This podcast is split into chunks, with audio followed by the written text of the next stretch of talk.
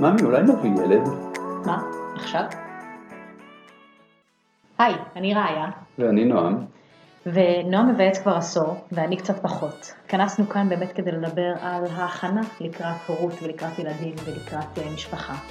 כי אותי זה מפחיד וגם מרגש, ואנחנו באמת עושים את זה בתור פרויקט אישי וזוגי שלנו כדי להתכונן ולהכיר אנשים בדרך ולשמוע מאנשים תובנות וחוכמות שלהם. אנחנו משתפים את זה פה כי אנחנו חושבים שאנחנו לא היחידים שמתמודדים עם השאלות האלה והמחשבות האלה. אנחנו יוצאים לדרך ונראה מה יצא, אולי בסוף גם יצא מזה ילד, ואנחנו שמחים שאתם פה איתנו. There's something about a kid knowing that when they talk, someone is going to look into their eyes. And between the words, somebody is going to be listening to them. It's the look of, I see you, I'm 100% here for you, because no one else in the world will be here for you like I am. אז ברוכים הבאים לעוד פרק של מבייץ כבר עשור. אנחנו יושבים פה עם ההורים שלי, ובגלל שהשפה שאנחנו מדברים איתם והם מדברים אחד עם השני זה אנגלית, אז כדי שיהיה מרחב נוח, אנחנו באמת נדבר באנגלית. So welcome Ima and Abba, we're really happy to sit with you here on your anniversary. It's really a great, great honor and pleasure. And we always start off with first just asking you to introduce yourself. Who are you? I am Aryeh Ben David. I was born neither Aryeh nor Ben David, which shows that I'm on a journey. I only changed my name once, but really I've changed my name countless times through the years. And this is our 40th wedding anniversary today. And it's really, I can say that my journey began 40 years ago today. I am Sandra, married to Aryeh, the incredibly fortunate mother to six incredible kids who are married to their wonderful partners, each one. Um, I also work as a therapist. So really honored to be here with the two of you as part of your process in growth and exploration as you approach this next chapter of your life. So usually just because the podcast is about getting ready for being parents and getting ready for that journey, Abba, if you mentioned journey, so I just want to go back 40 years and maybe even more than 40 years and to ask you, how did you see yourself as parents? Did you think that you would always be parents? Did you always dream of being parents and becoming a father and a mother? Where did you see that in your future? Aryeh and I met in the summer of 1979 um, at a summer program for adults about Judaism and Zionism. And in one of our very first conversations, I told him that I wanted six kids. I was hadn't finished college yet. I was in my third year of college. Didn't know who I was going to marry, though I certainly had my eye on him. Didn't know where we were going to mm-hmm. live, though Israel was certain, certainly brought up. I said, and I'd always said, that I wanted six kids. I come from a family of four. I somehow wanted more than that. I felt that would be fun and challenging and interesting. I also used to say that I only wanted to get married when I was 40. I didn't quite think the biology through back then, but I always knew that I wanted to be a mom. And I also grew, you know, going to college in California, feminism, egalitarianism, equality, professionalism was important. So I was sure that I would have a profession. Um, my profession for many years was being a mother before I turned to the next. For me, it was much more simple. Um, it wasn't really a reflective process at all. I just came from a happy family and always knew that I wanted to have a family. We, uh, I grew up in a family with two sisters and uh, cousins and aunts and uncles lived nearby, and grandparents were nearby, and most of life was a family experience. So there was never a question in my mind uh, to have a family. The number, how many kids, I didn't think about, but I always saw myself as a father. You mentioned the word journey, and I think I really see how you guys have been on a journey from what I've seen. Uh, and if I think of my older sisters and my older siblings, they had totally different parents who started maybe in a more religious space and in a different education idea. I'm just curious, where did you get your ideals and way of parenting from? Can you see how you are like your parents or different? Was it a mindful discussion or thought of, I want to do this like my parents or different from them? Like, where did you get your model or stencil of parenting from? There are many factors that go into um, uh, my parenting. One is I had a very loving father. I was very close to my father. I'm an only son, but I knew that I wanted to be a much different father than my father. Secondly, when Sandra got pregnant the first time, she went out and bought a library. And we had so many books on pregnancy and raising kids, and your kid is six months old, and one year, and two years, so many, how to talk to your kid so your kid will listen. We had, we had shelves of books on parenting. Uh, I didn't read any of them. For me, parenting was an intuitive experience. Uh, what I just felt that I should do. I can't really advocate that that's the best thing to do, but I knew that it would entail a lot of love, a lot of giving my kid independence, and a lot of unconditionality. I, I think looking back, the one thing that I intuitively understood was that my parents were overprotective.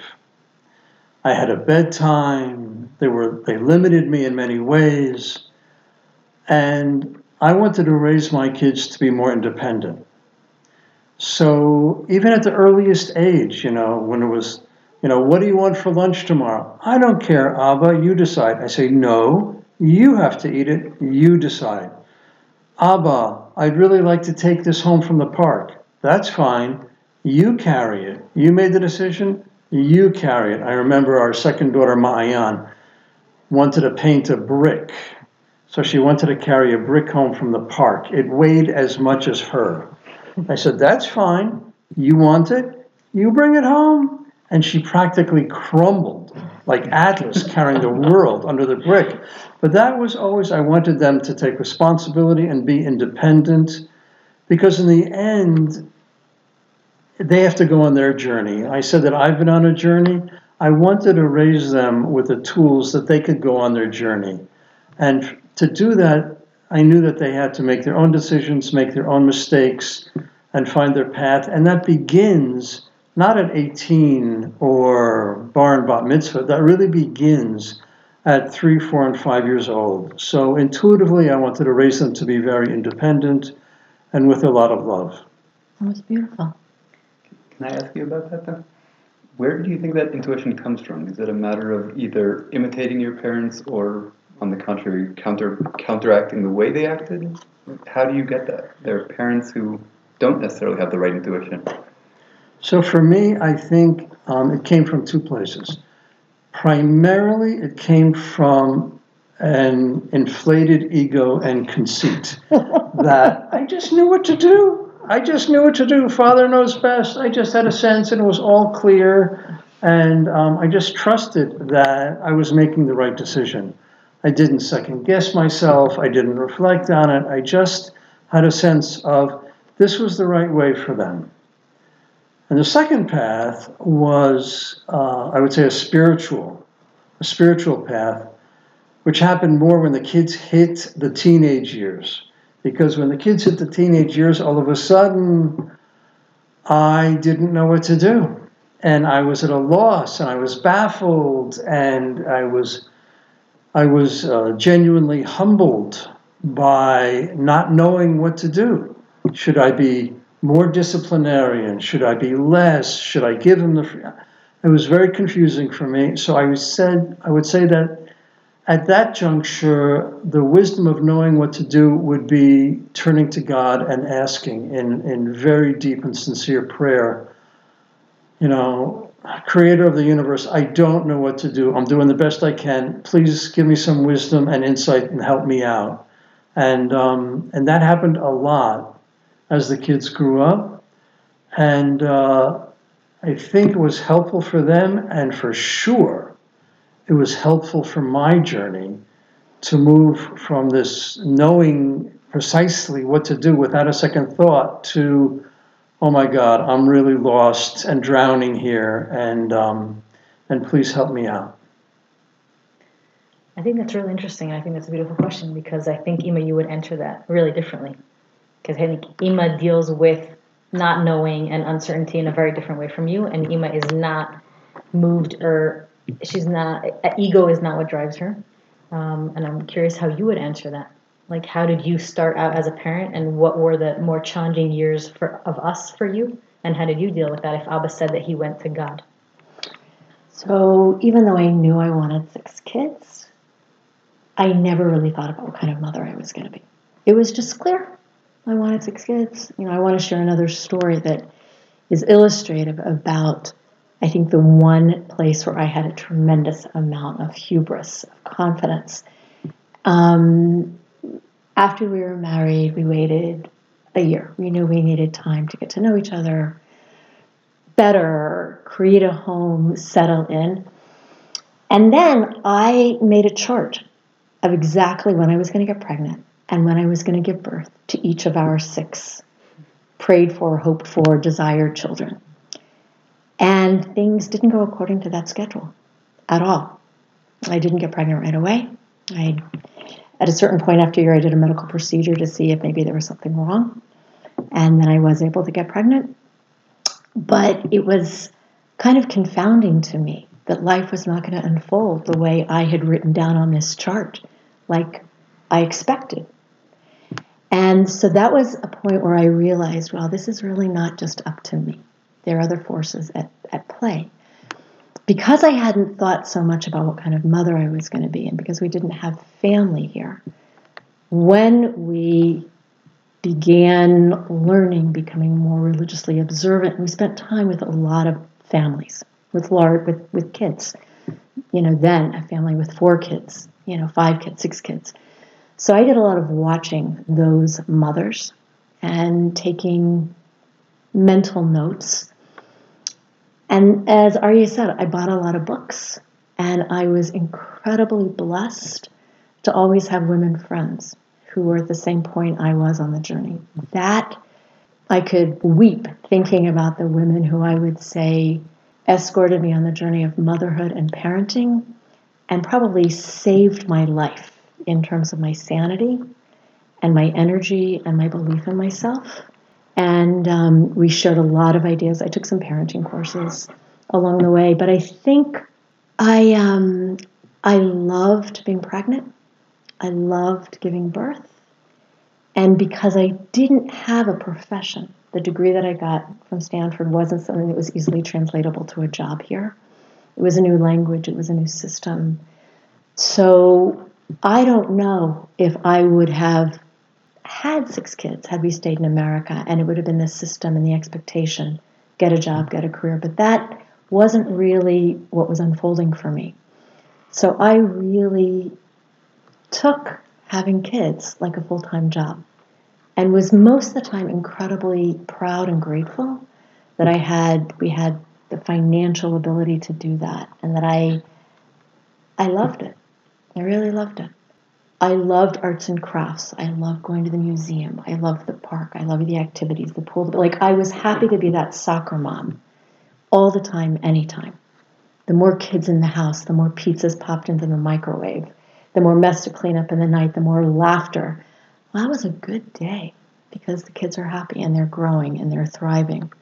So, my idea was I wanted to be present, I wanted to be supportive and encouraging, and I wanted to allow each of the kids to figure out their strengths and their passions and to be there to watch them unfold again, I would say, looking back, the greatest thing that I was part of creating in my life was the six of you. Hands down. No matter what I give my clients, no matter what I do anywhere else, for me, I know that that's the most important act of creation, of participation, of collaboration, of meaning that I could be a part of in this world. I also think that the challenges, behavioral, educational, they didn't affect my sense of identity. I didn't feel like a failure because I just knew that you all had to struggle and that we had to be supportive, whatever it was. Yeah, I just want to add one more thing that and every parent is insecure. You know, am I doing a good enough job? Am I successful as a parent? And we, Sandra and I, because we had made such drastic changes from our parents, leaving America for Israel, becoming more religious and observant, we were super insecure because we were raising kids in a very different way than we were raised. You know, we went to mixed schools, girls and boys together. We sent our kids to separate schools. You know, we grew up with a television in the living room. We didn't have a television there. There were so many changes. We were very insecure. And I think, you know, Noam, coming back to your question of trusting your intuition, one of the great pitfalls and one of the real obstacles that clouds, that I can say clouded my intuition, was the concern of what do other people think of my kids? How am I successful or not? How good am I doing?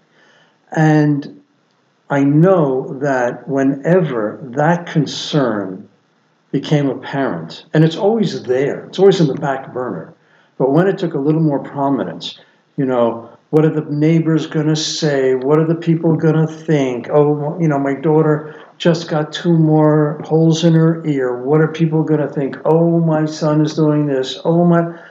Whenever that demon began to emerge of my concern for what other people would think, then for sure I lost my intuition.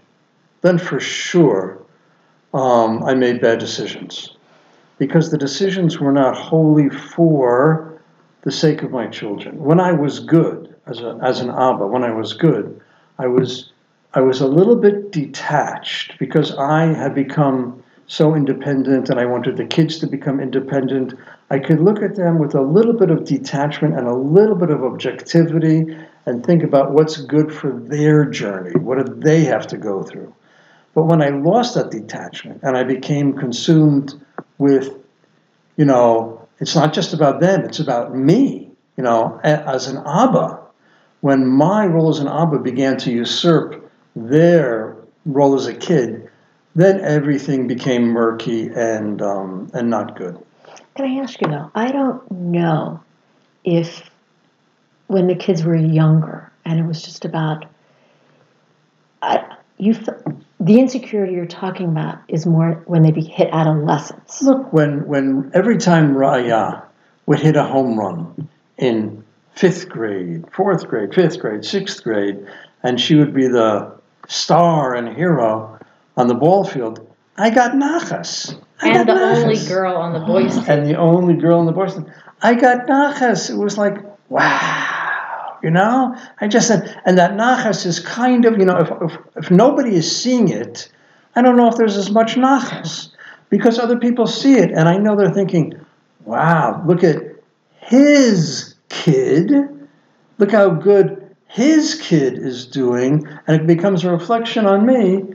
So that's really, that's really hard to avoid. It's such a natural feeling, this wanting to have nachas, this wanting to be validated, this wanting to feel that you're good job, doing a good job, and and none of us are completely insecure.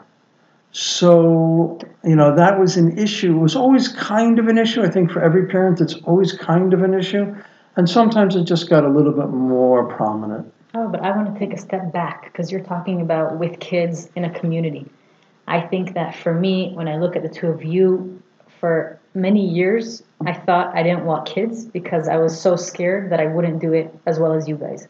That I wouldn't be able to wake up at five o'clock in the morning, go running, still wake the whole house up, get everybody out, make sandwiches, write a note with the sandwich, and give it to the kids and take them to school and get everything on time, pick them up, take everybody to the chugim like Ima did, and take my kids to explore and just out to the wilderness like you did with us, and kind of a feeling that I won't be able to live up to the standard that you set as parents.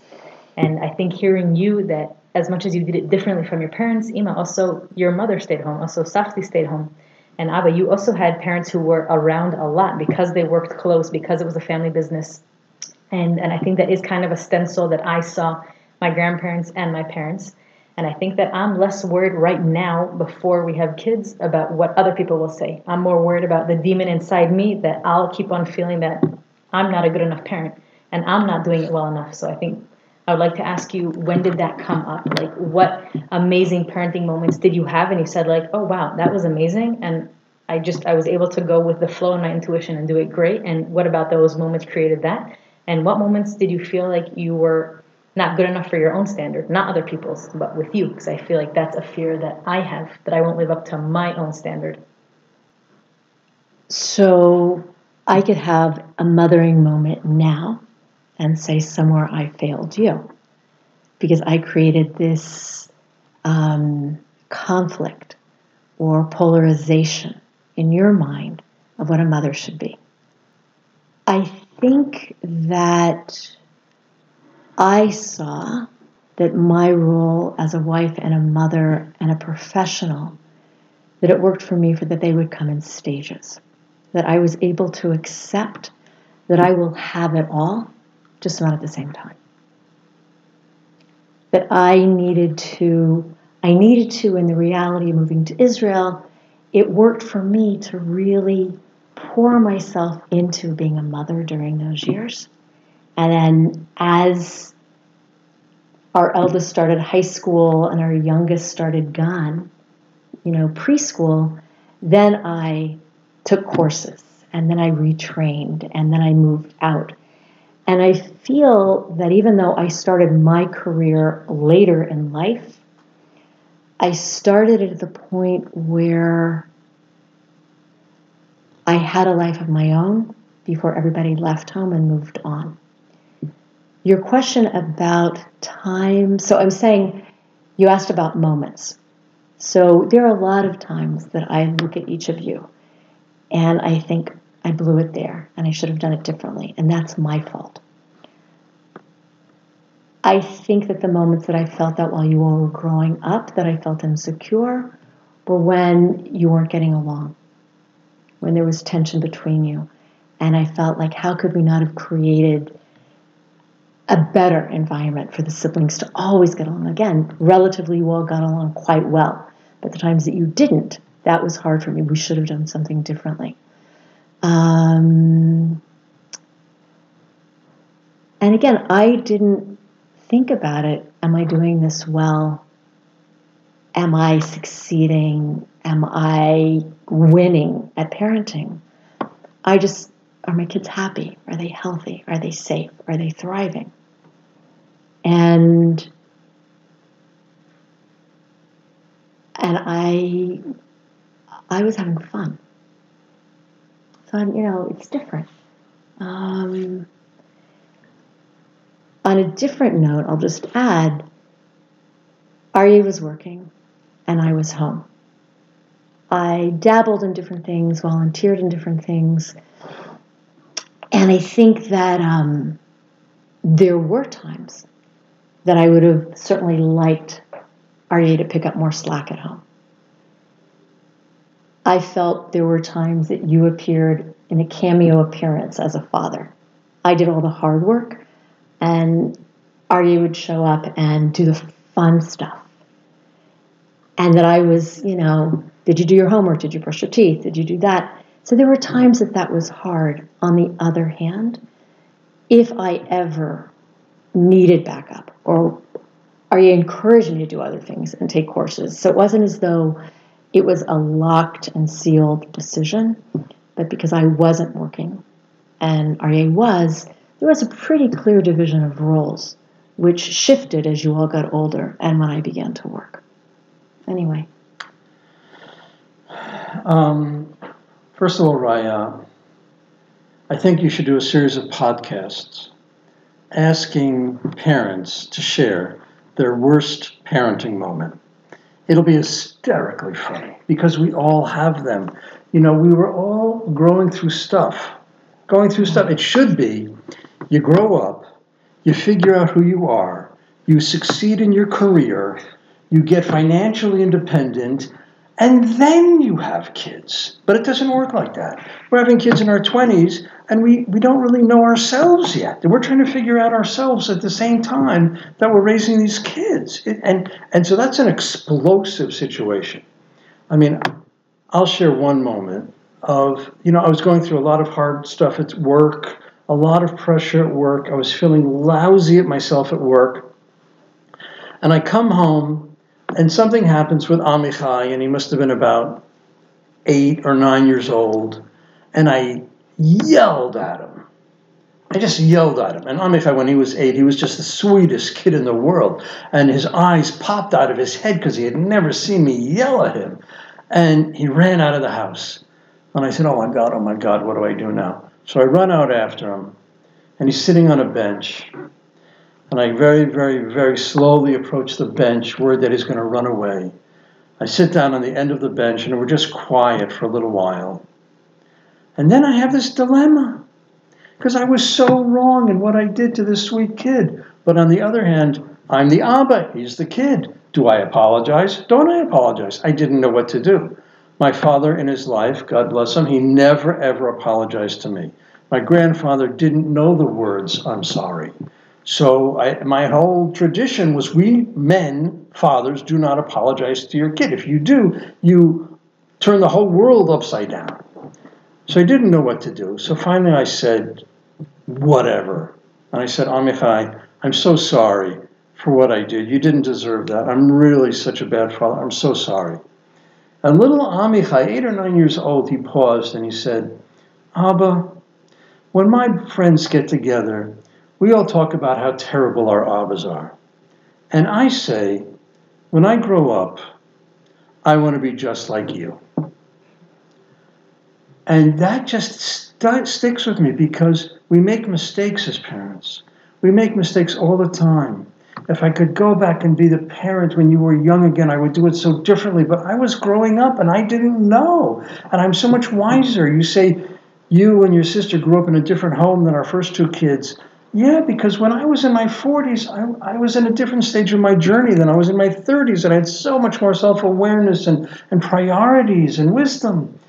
And, and so we all make mistakes. But I can say that I, I think I'm a better father than my father was. And my father, for sure, was a better father than his father was.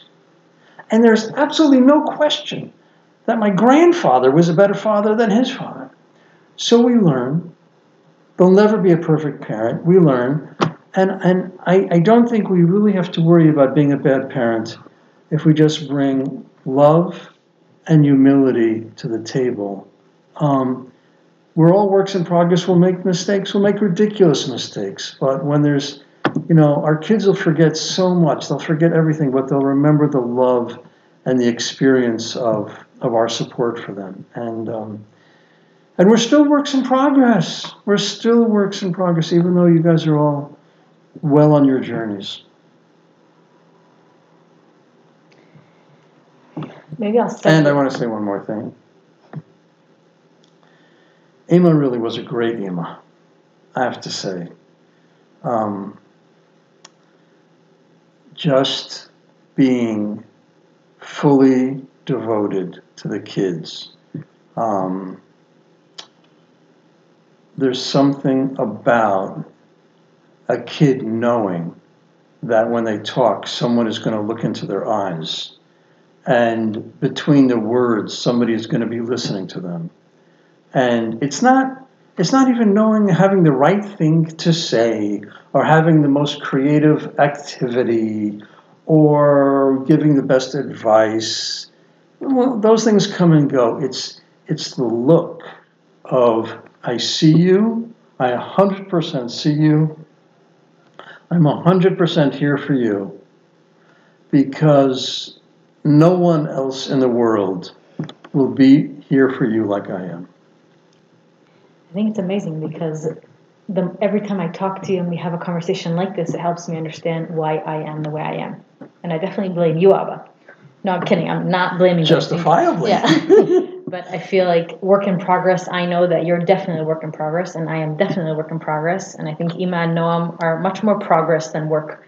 Like, there's something more stable about them. And I'm just curious about in the relationship as a married couple um, with kids when kids you do want to show them something stable like i believe that a house should be stable like the parents should have each other's back and they should have values and some kind of say about things And I'm just wondering, how did you guys navigate between that? Ima, when Abba kept on changing from more religious to less religious to more spiritual to vegan to raw to meat to back to vegan now.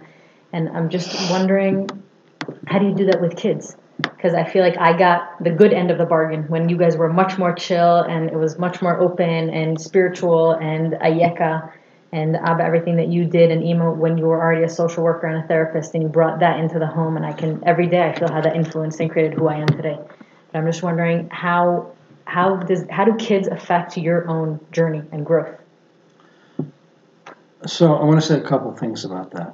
One is, look, part of the uh, part of the tension in raising kids is what's going on between the mother and father and their relationship.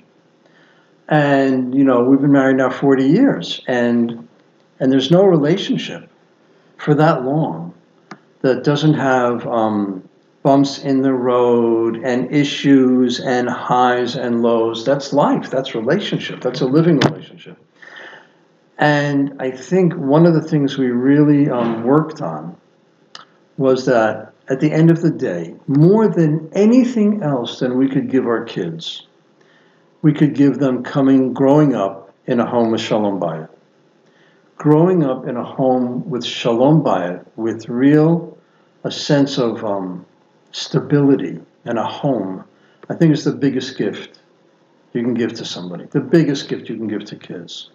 Um, and the second thing I think that we um, wanted to give, and we just had to give to you all, was this sense of continual growth. Now, we, we fell into roles in that. You know, I was kind of the accelerator, and Ima was the brakes. I was the one who would just make a decision in the flash of a moment, and we have to do this, we've got to do this now. And Ima would say, okay, let's contextualize that. Is that good right now? You know, I'd come home on a and Friday afternoon, it had to be two hours before Shabbat. Let's do a project. Let's make grape juice. Let's paint rocks. It's two hours before Shabbat. It was like the world's worst timing. And everyone would like, okay, let's figure out, is this really going to work now? So we had very different styles and very different personalities and temperaments about it. But we were very complementary of each other. That is to say, um, like a car with an accelerator and brakes. And I think um, I could never have continued on my journey without San being there to support the journey.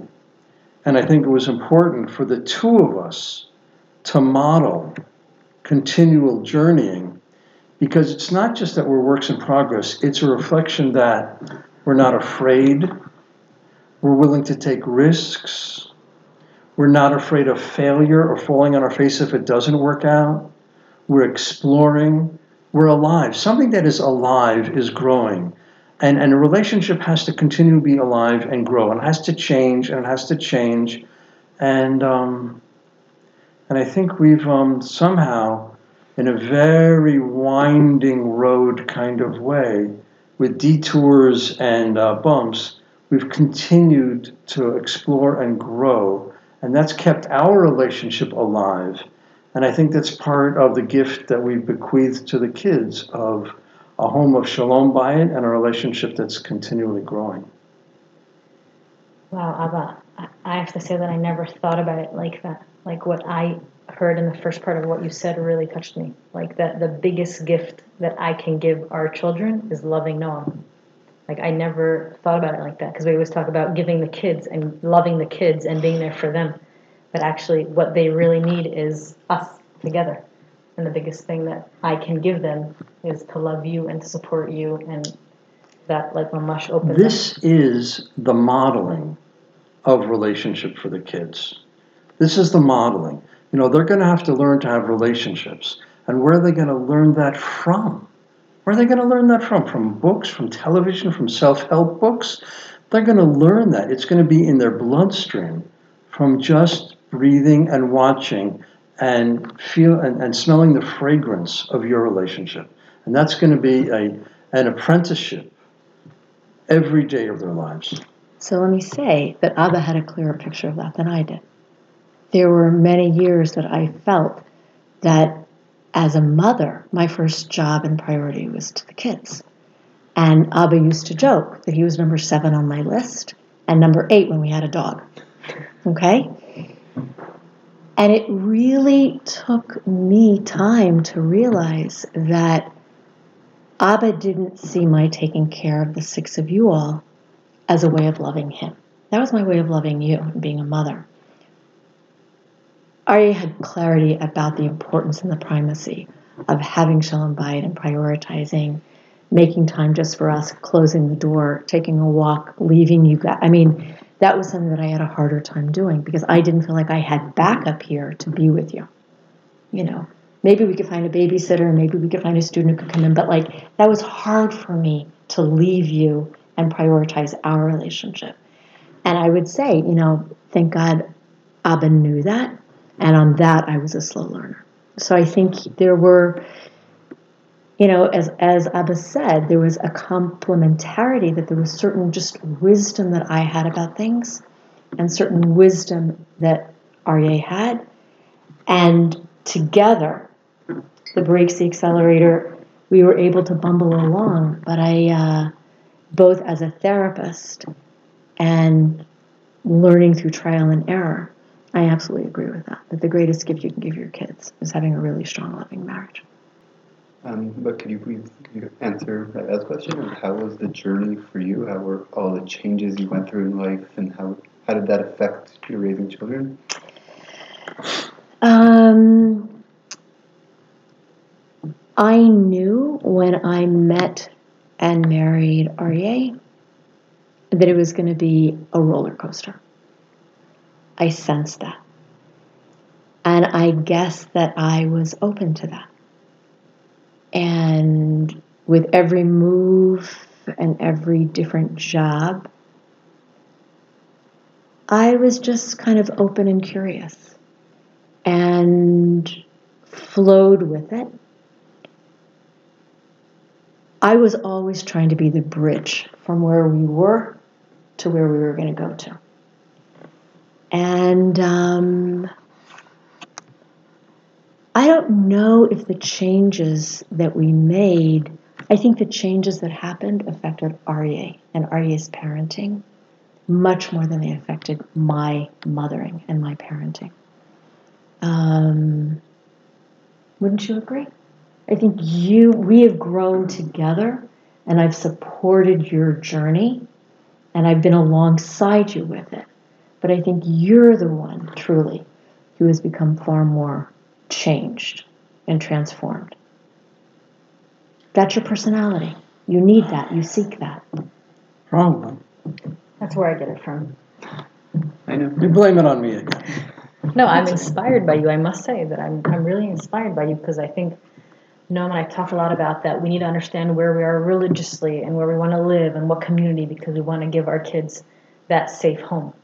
But I think, like we also understood with moving houses now, is that home is when we're together and when we feel good with each other. It doesn't matter what color roof or what how many walls we have around us. And I think what you said about Shalom Bayit, about the peace and the safety and stability and security inside the house, I think that really is the security that kids need. It's not the four walls or what community they're going to be in, but it's I think it's that. And I think you guys modeled for us changing and working in progress and being independent in that way. Like I don't think you ever told me be independent, but it was just be who you are, do the best you can, be the best you can be, and, and that's it. And we love you no matter what. And I think that really enabled me to continue growing. And I think even in our relationship, I really feel how from the time we got married, I don't know how to explain it besides energy, that my business has totally taken off. And suddenly everything is just working more smoothly, and I'm able to make these big leaps in anything I do because I know I have you and we have that peace and I have that security in you. Um, and I think that's like for me, that's huge to think that we can give that to our kids and model that without even saying it, but just to model that. I, I wanna I wanna pick up on what you said about the security in each other. Um, even it's a little embarrassing to say, but um, I would say San and I had a breakthrough in our relationship recently. You would think, yeah, you know each other for you know decades already 20 30 years you know everything about each other that's the beautiful thing about our relationship you know we went out a couple years ago, and for our anniversary, we said, okay, tell me something about you, yourself that I don't know. Tell me something about yourself that I don't know. Because we can fall into this trap of thinking we know each other so well. And it's, there's, it's, it's Ein Sof, there's endless. And one of the breakthroughs I had in our relationship was that for me, this Shalom Bayit is so deep because it's not that I love Sandra. I mean, I, I, I, said that 40 years ago, and I say it every day. It's not that I love you, it's that I need you. I need you. I can't be myself without you. I can't, I, I can't function. I'm lost without you. It's not like two independent people you know, coming together like peanut butter and jelly and still maintaining their own identities. We have our own identities, but I know that I am lost without Sandra. Uh, and I need you. And I think that's a, a depth of Shalom Bayit that is just, it's just gluey. It's glue. You know, I can't separate myself. I, I need you. And, um, and that's really, you know, part of the shalom bayit and this love thing is is just seeing the other person for their pr- preciously unique gift to the world and why I need you to be my other half, otherwise I can't function. And that's a depth of relationship that um, I think was always implicit and understood, but I didn't become really conscious of that until recently, and um, and somehow I think I, I, hope the kids picked up on that. Oh, it was always clear to us that you can't function without you. like that was always clear. Thank you for that vote of confidence. yes. Um, that was really beautiful. Can I move back to something else that Raaya said without in any way? Okay. I think that the process of parenting shifts all the time. I would say that at 63, after 40 years of marriage, with all of our kids married, I am having to relearn what it is to be a parent to adult children who have their own lives and are making independent choices about what's best for them, and we're on the sidelines. I used to be front and center, hands in, all the way. So I think that the role of parents is about constantly that like dynamic where are my kids where am i? Is this about them? Is this about me? What's my place here? And i feel like you know there's there's a rabbinic saying you know who do i learn from? You know i learn I absolutely my children continue to challenge me to stretch and to grow because they're dynamic human beings who keep changing. And as a parent, I need to keep responding to that. So I think that it's, you know, parenting doesn't, mothering doesn't end when the kids leave the house, whether it's for couples as grandparents.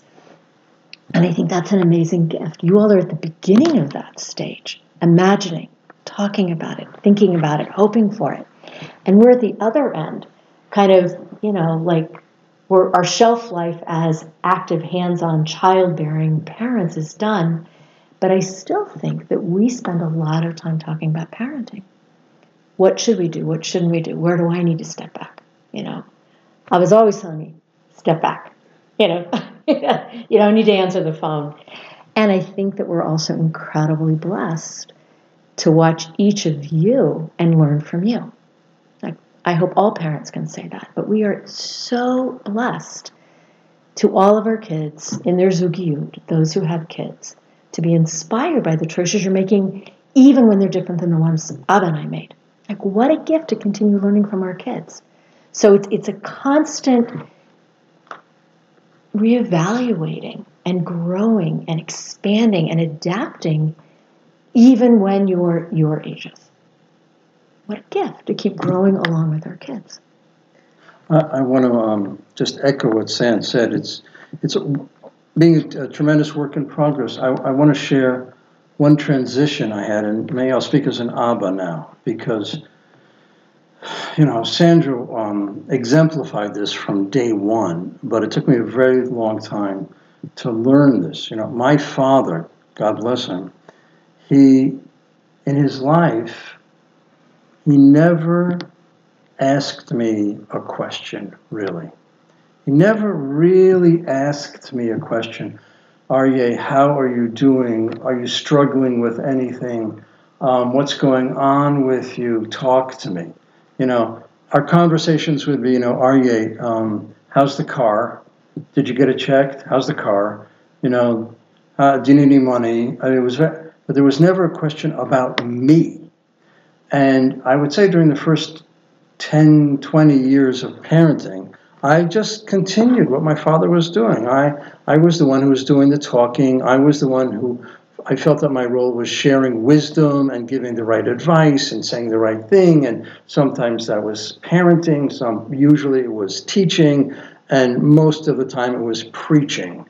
Um, and somewhere along the way, um, I realized that it wasn't working. I realized it wasn't working.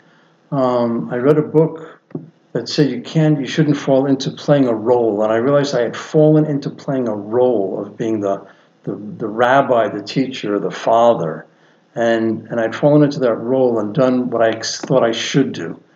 And I tried to discard those clothes, and I, I tried to move from talking at the kids to listening and it was extremely liberating for me because when I had to come up with the right advice and the, and the perfect thing to say and the voice of wisdom and experience, it was such pressure for me.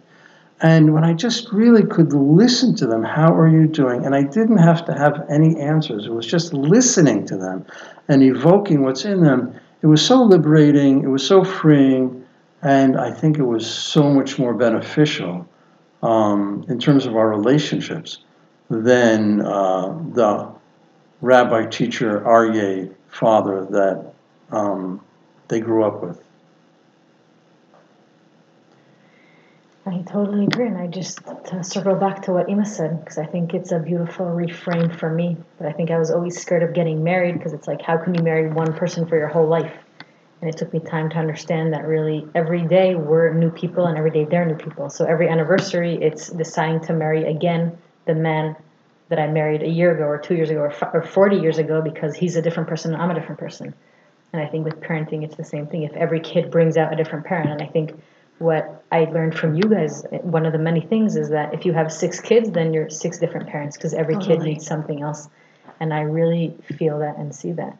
Um, and I think, Ima, you really reframe that, that really you continue growing. And I think in me, that kind of calms me down that I don't need to know who I'm supposed to be. Like, I hope that I'll be 60 something and I'll still continue asking questions and learning and, and, and doing that.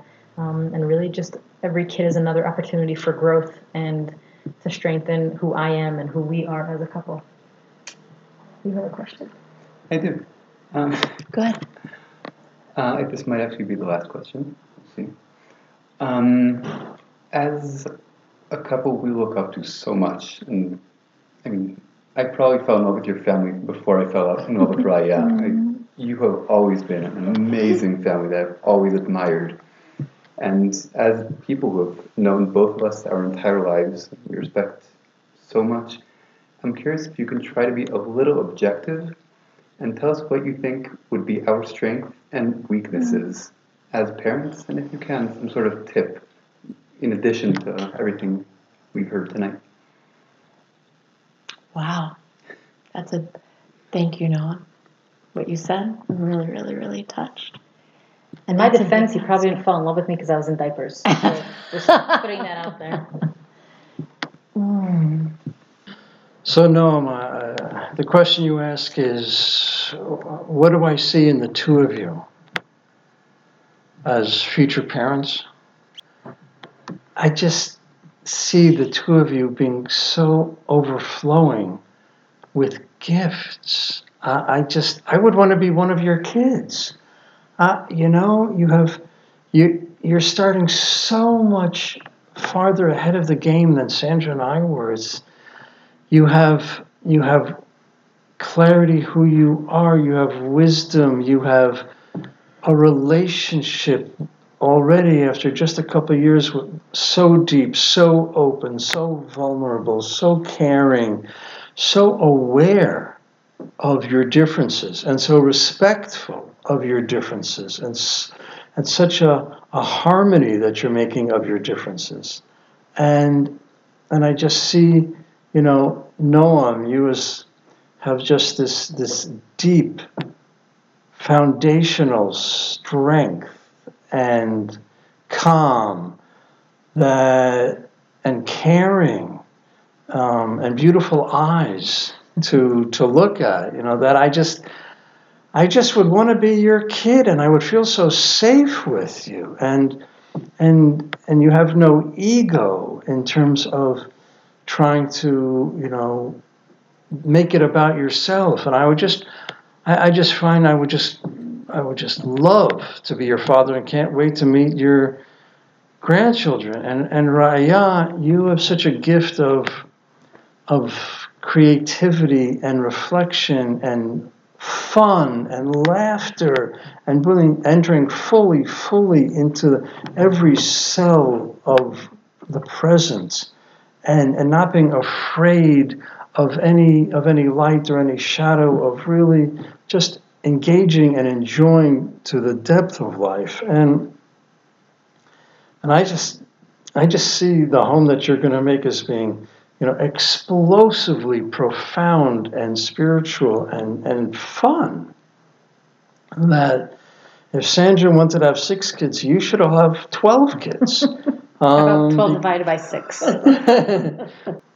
I'm so proud of all the work in my career and how I've tried to help people. And there is no question in my mind that the biggest gift that I have given to the world is six kids. And that is really what's going to impact the world because that's going to be generational. That's going to be decades and decades and centuries, and that's generational. And, and there's no bigger gift we can give to the world than another human being and um, and you have so much to give to the world, and it should just be extended ex- and extended for generations. I, um, I I would just be totally excited to to see your kids and grandkids.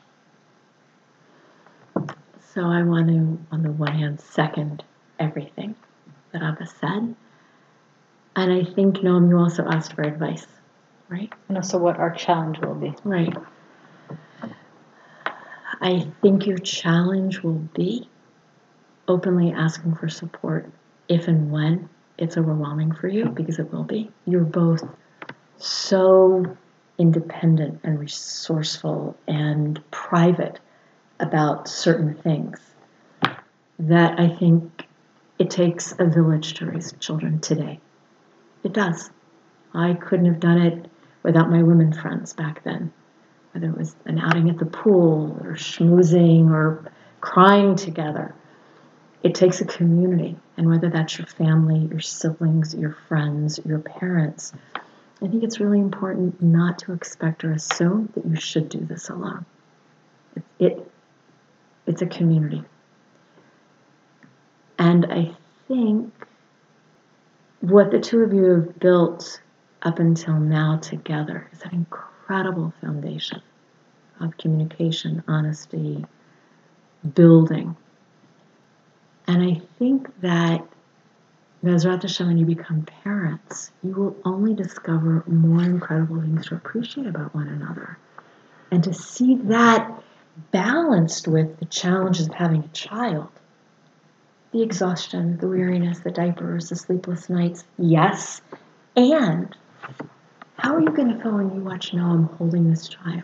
How are you going to feel watching Raaya give birth? Right? There are going to be so many experiences which will weave your lives even more together through the child. It's more than balanced. I mean, it's beautiful what the two of you will continue to become as a couple when you become parents together. Um, yeah, so I think it's it's turning outward to other people, knowing that that's really okay. People will want to be a part of of that with you. You're not expected to do it alone. And imagining how much more you, trusting how much more you'll grow to appreciate and know one another through the process of becoming parents together. And to trust yourself, specifically Uriah, to trust yourself and to know that other things you've been able to study and read and imagine and set your vision on. And I think mothering is going to be something that you also just have to open your heart to. Wow. So we end every podcast with each one that goes around and says, What's one thing that touched them, one thing they're taking away? I probably got it from Ayeka, but I do it also with my clients, and we do it on the podcast just because there were a lot of things said here. Um, and I think it's just a way to wrap it up. And one thing that, what's your one takeaway from here? Can I give two? Yes, you can. The first is we don't take for granted for a second that you all wanted to include us in your interview process. We're not young parents, we're not still having kids. So we're at the other end. And thank you for wanting our perspective. Really very touching and meaningful for us. And two, God, I love still hearing you and learning from you and listening to you. What a gift after 40 years to still be moved by what you have to share. Thank you. Um, I'm still trying to figure out how to articulate my takeaway, but it would be something like, you know, in the Torah, 40 years is a generation. The generation of the desert, 40 years. And so today is 40 years to the day of our marriage, October 25th. 40 years. And there's something just so profound and and moving and kind of bordering on the eternal of our generation after 40 years and now talking with you about beginning the next generation and the cycle of you know cycle of life medor lador um, is just to witness that. Um, is just uh, a feeling of tremendous, you know, life has been very generous to Sandra and me. And we're very grateful. And, um, and I just feel in some way that this night of our 40th anniversary is, is kind of like a crossroads um, for the next, uh, for the next chapter. So for me, I think having you here is amazing because I look up to you and learn from you so much, and I don't see you as old parents at all. I just see you as totally hands-on, involved parents that I learn from every day and every Shabbat and every conversation that we have together. And I think my biggest takeaway is really that if in every every conversation we have, I feel like it opens another cell in my heart, open towards kids and a family and pregnancy and I really felt like that cell open up uh, when you talked about Bayit. And really understanding that the biggest gift that I can give our kids is to love Noam. And, um, and I think for me that's amazing because I think till I met Noam, I didn't know if I could love anybody or how I could do that or what that even means because I didn't believe in love and and loving him and only when I met him I was able to imagine myself getting older and suddenly even wanting kids or imagining myself having kids. Um, and I think just that moment when you said about Shalom Bayit and loving Noam, like it was like, okay, if in order to be a parent I need to love you, so maybe I could be a parent. Mm-hmm. I definitely love you. Um, also, we, I can't express enough how happy I am that you're here and so grateful to hear from both of you these answers. I mean, you said that you're not at the stage of having children, but you have so much wisdom and you've done such an amazing job for the past 40 years raising children that there are very few people in the world who I would respect and appreciate their answers more than you. So really, thank you so much. Um, and also, I definitely connected very strongly to that. That possibly the most important thing in raising children is loving each other and having a steady, happy home. And I'm, on one hand, I'm sorry that we didn't meet before when we had our engagement process. Mm. We didn't talk about it then, but it's amazing to hear now. Really, thank you. So thank you so much for coming on your anniversary. It really means so much to us, and we're so grateful that you're here. So thank you very, very much, and we love you, and uh, for another 40, 80, 120 years. And I would like to just dedicate this to Grampy and to Safti, who are very present here. And Safti's yahrzeit was last week, and I can see how Ima, the mother you are, stems so much from who Safti is and from who Sambi is, and Abba, who you are definitely from Grampy and from Grammy. And just to really look again, and I hope when our kids hear this someday, that they'll get to know you before that, but to really know that we're so lucky to come, I'm so lucky to come from such a rich background with uh, amazing people that I learned from. So thank you, Sabi and Safti and Grandma and Grampy, and thank you very much, Ima and Abba, and to you, Noam. Thank you. אמן, אמן. וואו. ותודה לכם שהקשבתם לעוד פרק של מבייץ כבר עשור. אנחנו מזמינים אתכם להמשיך לעקוב אחרינו ולשתף למי שאתם חושבים שזה יכול לגעת בו. אפילו מילה אחת או משפט אחד שנגע בכם. גם אני ואנחנו נשמח לשמוע, אז אתם מוזמנים לכתוב לנו בפייסבוק, באינסטגרם. יש כישורים למטה, וכמובן שתצאו איתנו ותמשיכו איתנו את המסע הזה לקראת ההורות ופנימה.